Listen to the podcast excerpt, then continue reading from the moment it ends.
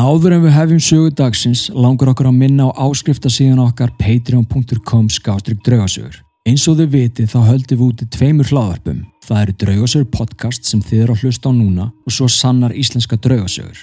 Samanlagt eru þarna á ferðinni yfir 100 sögur sem eru aðgengilegar á öllum hlaðvarpsveitum frítt.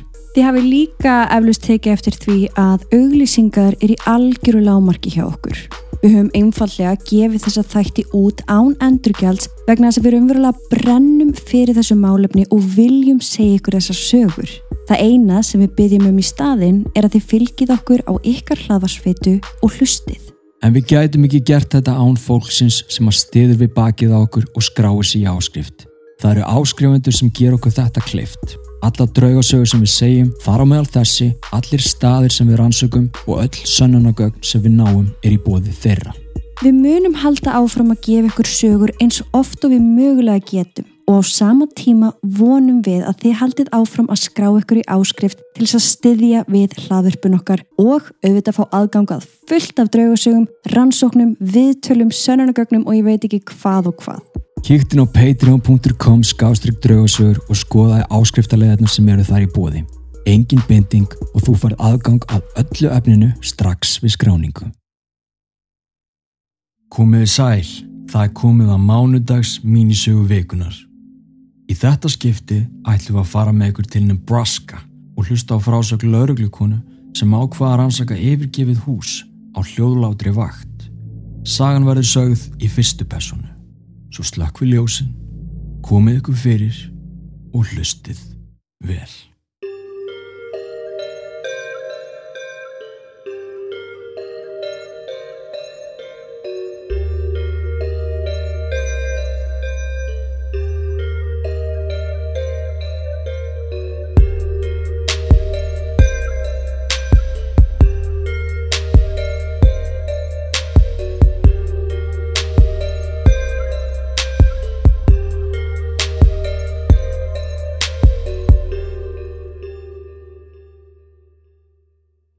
Á þessum tíma árið 1990 voru mörg hús yfirgefin í Nebraska.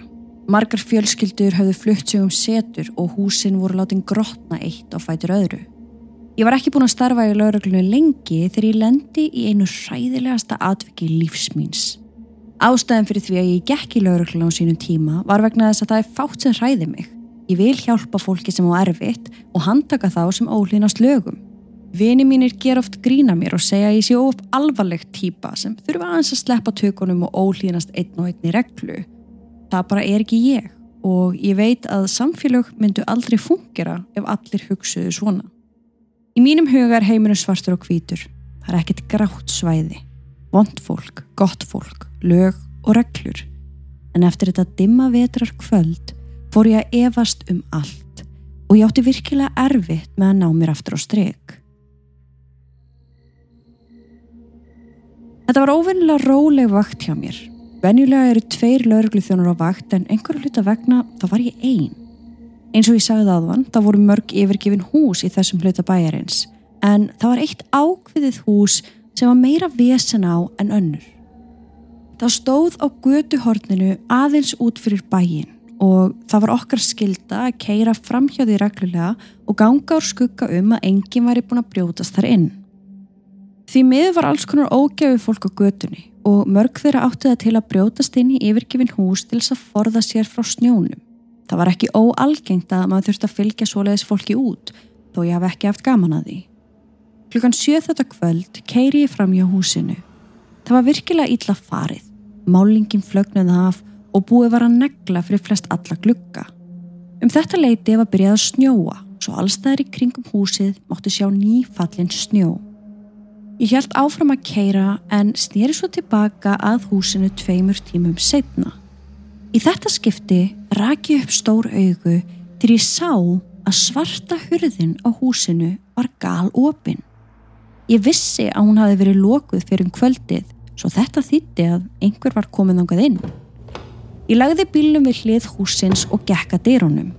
Ég leiti kringum mig og mér til mikillar fyrðu sá ég engin fótspor í snjónum. Undir eðlilegum kringumstæðum ef einhver hefði gengið að húsinu og opnað hurðina þá væru greinileg fótspor. en snjórin var óraskaður allan ringin. Mér fannst þetta skrítið en ég ákvaða að halda leiðminni áfram. Til öryggis hafði ég samt samband við mína lauruglustöð og let vita að ég væri á leiðin í húsið. Ég tók upp vasaljósi mitt á sama tíma og ég gekk inn. Ég hafði komið inn í þetta hús einu sinni áður en ég myndi ekki eftir þessari sæðilegu lykt sem tók þarna móti mér. Eins og eitthvað væri að rótna í hornunum eða virkilega úldin matur. Ég leiti kringum mig. Þar sem það var búið að negla fyrir alla glukka þá var svarta myrkur þann inni. Eina ljósið var vasaljósið mitt sem ég reyfiði til hægri og vinstri. Parkettið var gegn sósa af einhverjum vögva og á veggina var búið að spreja alls konar fígúrur. Ég gekk á mölli herbergja en sá engan. Ég lísti á gólfið og sá þygt lag af reki yfir öllu en svipuði í snjónum þá sá ég engin fótspor. Eftir smá stund var ég nokkuð vissum að vindurinn hafi feikt hurðinu upp. Það var engin þann inni. Ég sneri við og var við að ganga út um dyrnar þegar ég heyri allt í einu í einhverjum hlæja og þessi hlátur kom frá efrihæðinni. Ég fann hvernig gæsa húð lagðist yfir allan líkama minn og ég snýri höfðinu hrattasteganum sem var hægra megin við útidrahurðina. Hláturinn helt áfram að óma um húsið og það fór ekki á melli mála að þetta var barnahlátur. Ég steig aðeins út fyrir og hafði samband við lauruglustöðuna í gegnum talstöð. Ég sagði þeim að líklegast hafi einhver brotist inn í gamla húsið og að þeir ætti að vera tilbúinir að senda annan lauruglubíl á staðin. Ég sagði þeim samt líka að þetta væru líklegast bara börn, en þrátt fyrir það þá væri þetta hættilegur staður fyrir þau að vera á. Eftir það fer ég aftur inn í húsið. Ég gekk í gegnum eldúsið og að steganum. Ég lísti vasaljósinu í öll horn en það ætlaði ég ekki að láta neitt fram hjá mér fara. Ég steg á fyrsta þrepið og komst fljótlega að því að stígin var nánast ónýtur og að ég þurfti að vanda mig hvar ég myndi setja fóti neður. Timbrið myndi líklegast gefa sig á einhverjum stöðum. Þegar ég var komin halva leiðina upp, heyri ég einhverju læti á neðri hæðinni. En ég var fljóta að segja sjálfur mér að líklegast væri þetta eitthvað dýr, rottajafvel sem væri að hlaupa á milli herbergja. Síðan byrjuðu svipuð læti á efri hæðinni og með látunum byrjaði þessi barna hlátur aftur. Ég tók upp talstöðuna en það var greinileg ekkert samband akkurát þar sem ég stóð í steganum. Ég setti vasilósið í vinstri höndina og lagði þá hægri á stegahandriðið. Þannig gekk ég upp allan stegan með hjartað í buksunum því ég var vissum að ég myndi hrinja í gegnum eitt þrepið og enda á kjallara gólfinu fyrir neðan. En um leið og ég var komin upp hugsaði ég með mér að kannski hafi ég verið að gera skelveli mistök.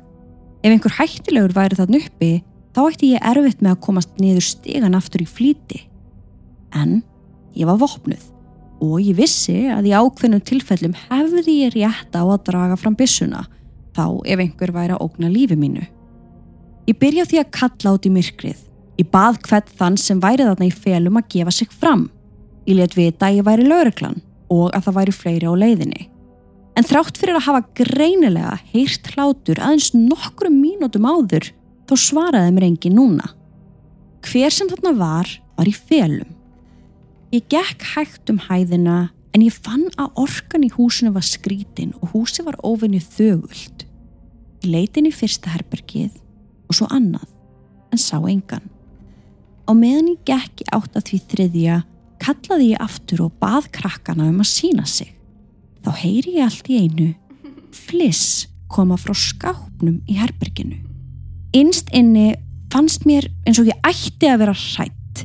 Mér leið eitthvað óþægilega, einhver tilfinning sem ég kannadist ekki við. En ég var líka pyrruð yfir því að krakkarnir var að láta mig leita út um allt hús. Vanalega næði að kalla og segjast vera lauruglan og það var eins og þessum börnum væri bara alveg sama.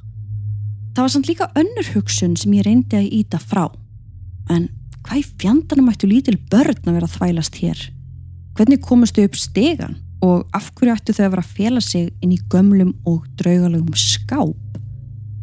Ég gekk að skápnum. Ég fann ykkur, sagði ég um leið og ég opnaði hann. En inn í skápnum var enginn.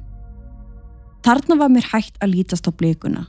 Ég snýmir við í flíti og hugsa með mér að ég ætti að koma mér þarna út sem fyrst. En þá var mér letið á lítið skrippbor sem var þarna hliðin á. Ofan á borðinu voru ímsar barnabækur. Ég dusta reikið af einni þeirra og færið var aðeins til. En þá sé ég það. Á borðinu var mynd. Mynd sem einhver hafði teiknað og þetta var mynd af mér. Lögreglu kona í lögreglu búning með vasaljós í hægri höndinni. Og akkurat á því augnabliki heyri ég hlátur beint fyrir aftan mig. Ég missi vasaljósið og dreg upp bissuna. Ég snýmir við og miða út í myrkrið. Eftir smá tíma grýp ég vasaljósið og hleyp út úr húsinu. Í þetta skipti var mér alveg sama um stegan. Ég var hrættara við það sem leindist þarna uppi heldur hann að detta og slasa mig á tröppunum. Um leið og ég kom út sá ég lauruglubíl renna í hlað. Þetta voru samstagsfélaga mínir. Ég reyndi eins og ég gat að ná andanum og líta aðlilega út en ég vissi alveg að það sást á mér að ég var hrætt. Hjartaði mér sló fast og ég var byrjuð að svitna ofenju mikið.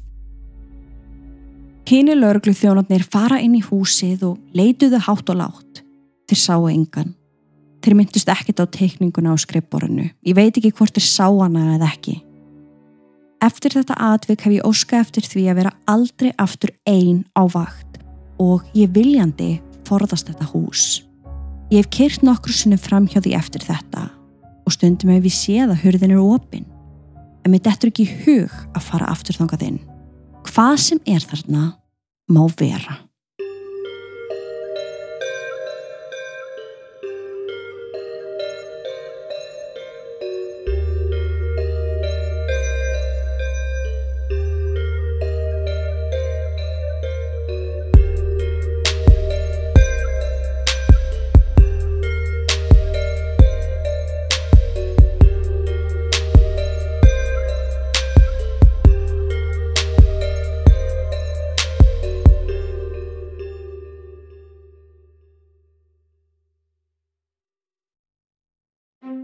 Við höfum frá upphafi séð til þess að hlustendur fái fyrsta flokks upplifun í þáttum okkar með hljóðgæðum á heimsmæli hvarða. Það er mikill tími sem fyrir rannsóknarvinnu, skrif og eftirvinnslu, myndakápur og myndbönd. Við eigðum ekki þínum verðmæta tíma og komum okkur alltaf beint að efninu. Þeir sem hafa séð sjónvastættun okkar eru hungraður í meira og því erum við með gríðalegt sapn af vefþáttum úr rannsóknum okkar bæði hér á landi og erlendis. Sönnunargögnin úr ferðum okkar hafa fengið hörðustu evasendamenn til þess að hugsa sér tviðsvarum. Svo kontu og vertu með. Það er engin binding og yfir 400 þættir sem býða eftir þér og margar klukkustundra aftreyingarefni inn á patreon.com skástrygg draugasögur. Þið sem hafi verið með okkur í fjölskyldu dýnamíkinni þar vitið að draugasögur eru svo sannarlega miklu meira en bara hlaðvarp.